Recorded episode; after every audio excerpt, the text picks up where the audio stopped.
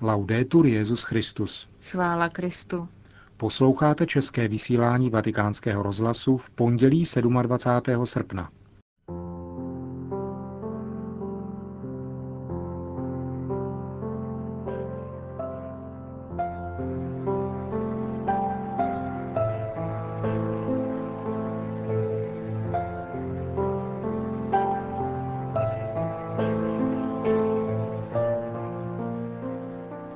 V kanadském Montrealu zemřel kardinál Eduard Gagnon.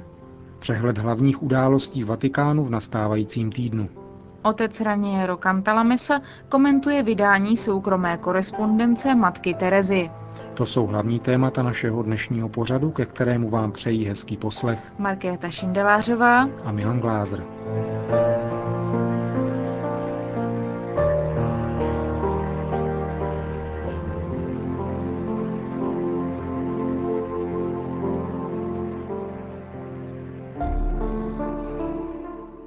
Zprávy vatikánského rozhlasu. Montreal. Ve věku 89 let zemřel včera v Montrealu kanadský kardinál Edward Gagnon, emeritní předseda Papežské rady pro rodinu a Papežského výboru pro eucharistický kongres.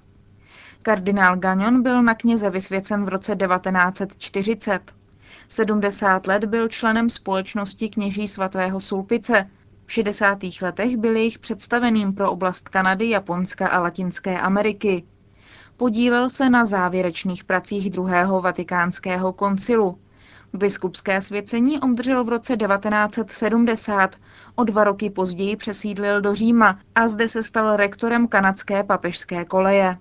Předsedou Papežské rady pro rodinu byl v letech 1985 až 1990. Kardinálem ho jmenoval Jan Pavel II. v roce 1985. Svatý otec zaslal soustrastný telegram jak arcibiskupovi Montrealu, kardinálu Jean-Claude Turcoteovi, tak představenému společnosti kněží svatého Sulpice, otci Lorenci Terienovi. V dopisu arcibiskupovi Montrealu stojí S bolestí se dovídám o úmrtí kardinála Eduarda Cagnona, emeritního předsedy Papežské rady pro rodinu a Papežského výboru pro eucharistický kongres. V modlitbě se připojuji ke kanadské církvi, k rodině zesnulého a ke všem osobám, kterých se tento zármutek dotkl.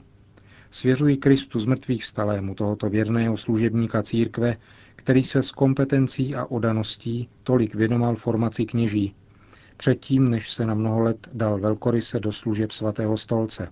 Kéž ho pán přijme do míru a světla svého království. Otci Lorenci Ternierovi Benedikt XVI. napsal S bolestí se dovídám o úmrtí kardinále Eduard Gagnona.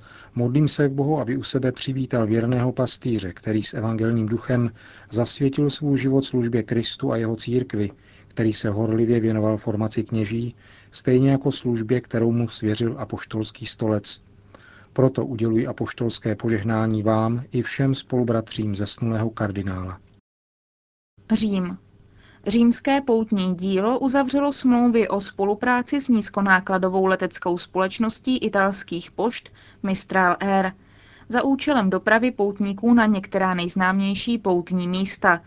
Svatá země, Lourdes, Fatima, Santiago de Compostela, Čenstochová, Egypt, Sinai. Linky do těchto poutních míst budou startovat v Římě, Veroně, Bari, Brindisi, Lamécia Terme, Katány a Ankoně a předpokládá se, že za rok přepraví 150 tisíc lidí. Římské poutní dílo je orgánem svatého stolce, které má svou vlastní právní subjektivitu. Austrálie. Zpěváci a hudebníci náležící do združení Rock for Life obvinili Amnesty International ze zneužití důvěry – Řada katolických tvůrců totiž před dvěma měsíci nahrála album, z jehož prodej má být financována pomoc obětem etnických čistek v Darfuru. Združení obvinuje Amnesty z toho, že využívá tohoto hudebního alba na podporu interrupcí, o čemž nebyli umělci předem informováni.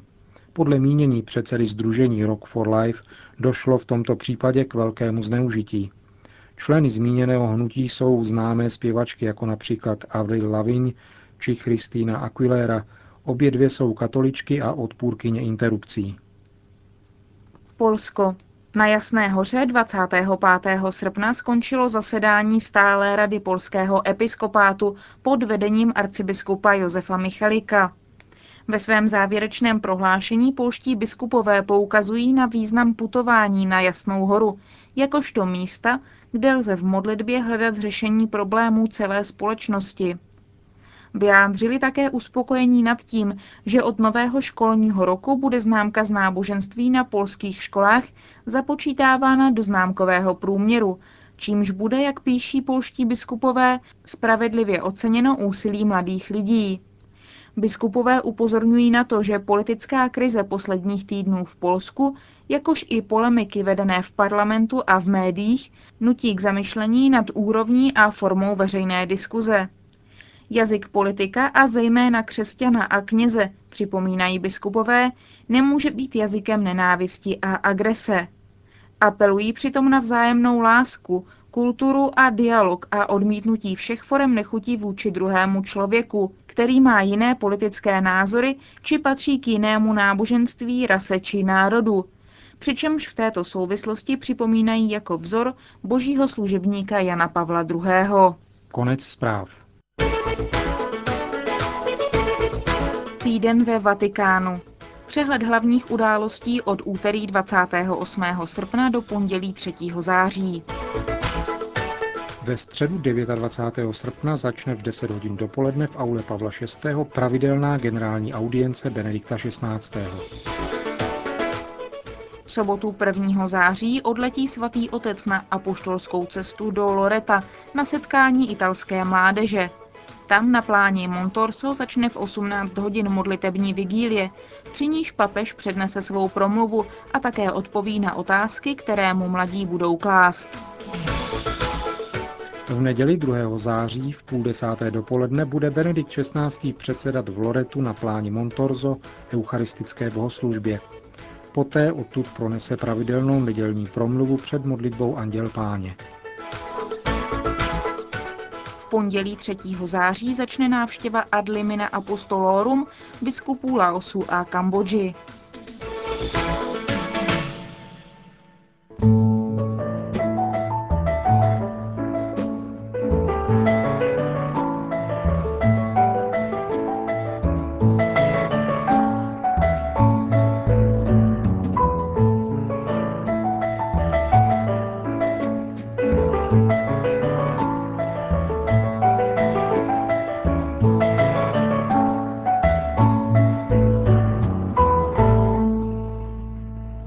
Světovým tiskem proběhla v těchto dnech zpráva o chystaném zářijovém vydání soukromé korespondence blahoslavené matky Terezy z Kalkaty pod názvem Mother Teresa, Come be my light, Matka Teresa, přijď, buď mým světlem. Sbírku soukromé korespondence albánské řeholnice vlastním jménem Aneška Gonša di Bojakshu připravil k vydání pro newyorské nakladatelství Doubleday postulátor beatifikačního procesu otec Brian Kolodějčuk. Většina komentářů světového tisku k vydání soukromých dopisů této světoznámé řeholní sestry byla silně poznamenána obvyklou snahou žurnalistů vyvolat zájem čtenářů o jejich články a zároveň neznalostí základních pojmů křesťanského duchovního života. Takže se většinou objevovaly titulky jako Matka Teresa ztratila víru nebo Dopisy matky Terezy odhalují krizi víry. Ve skutečnosti se pod výrazy duchovní temnota nebo duchovní noc, o nichž je v dopisech řeč, skrývají zkušenosti víry, které se v životech svědců všech dob v křesťanské tradici běžně vyskytují. Pro vatikánský rozhlas to v rozhovoru vysvětluje papežský kazatel otec Raniero Cantalamessa. Tento jev je z křesťanské tradice velmi dobře znám. Možná je nový, dosud nevýdaný v té formě, jakou měl u matky Terezy. Zatímco temná duchovní noc, jak ji popsal svatý Jan od kříže, je etapou spíše přípravnou k oné definitivní fázi, nazývané spojivá, u matky Terezy se patrně jedná o poměrně stabilní stav.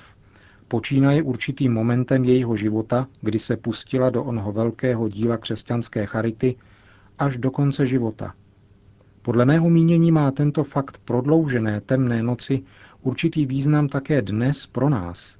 Domnívám se, že matka Teresa byla světicí v mediální éře a že právě tato duchovní noc ji chránila před tím, aby se stala obětí médií, tedy před domýšlivostí. Ona sama totiž říkávala, že tváří v tvář velkým podstám a mediálnímu rozruchu, který kolem ní byl, nepocitovala vůbec nic právě proto, že prožívala tuto vnitřní prázdnotu. Šlo tedy o jakýsi ochranný asbestový oděv pro průchod mediální érou. V jednom jejím dopise čteme, v mé duši existují tolikerá protiřečení, hluboká touha po Bohu, tak hluboká, že bolí, utrpení pokračuje a je s ním i pocit, že jsem Bohem nechtěná, odmítnutá, prázdná, bez víry, bez lásky, bez nadšení. Nebe, píše matka Teresa, pro mne neznamená nic. Připadá mi jako prázdné místo. Vidíte, ale právě toto pronikavé utrpení, které působila boží prázdnota, je znamením, že jde paradoxně o pozitivní jev. Jedná se o absentující přítomnost. Bůh je přítomen, ale není pocitován. Fakt, že matka Teresa mohla stát hodiny před nejsvětější svátostí, jak říkají svědci, kteří viděli takřka u vytržení, a pokud se vezme do úvahu, v jakém stavu se přitom nalézala, pak to lze nazvat mučednictvím. Je to opravdové mučednictví, neboť kdo necítí Boha a cítí ono prázdno, a přitom se trvává před Eucharistií, stojí jakoby uprostřed ohně. A je zvláštní, že se někdo podivuje nad těmito spisy matky Terezy, nebo si dokonce myslí, že jejich publikace způsobí nějaké překvapení nebo snad pohoršení mezi lidmi. Tato skutečnost totiž naopak činí postavu matky Terezy doslova gigantickou a rozhodně ji nijak neumenšuje.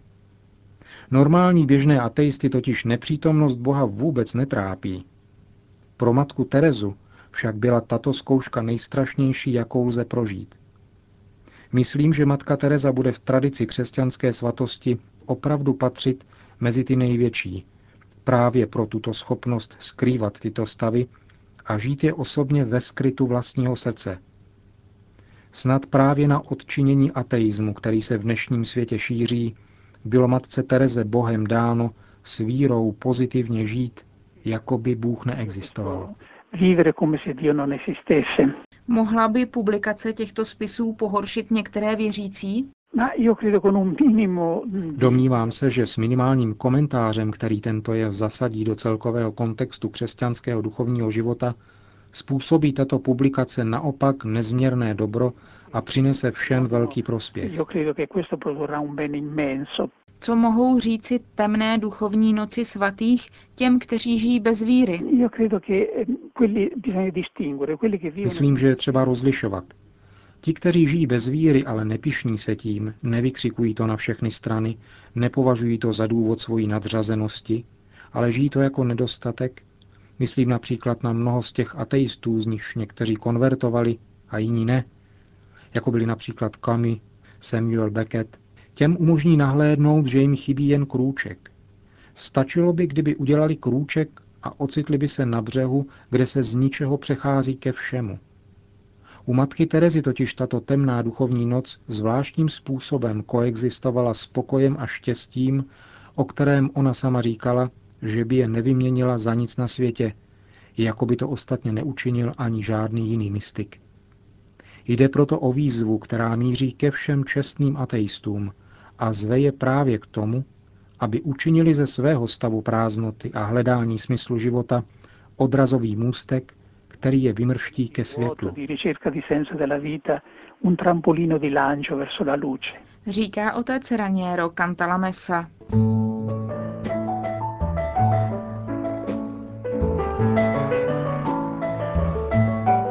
Končíme české vysílání vatikánského rozhlasu. Chvála Kristu.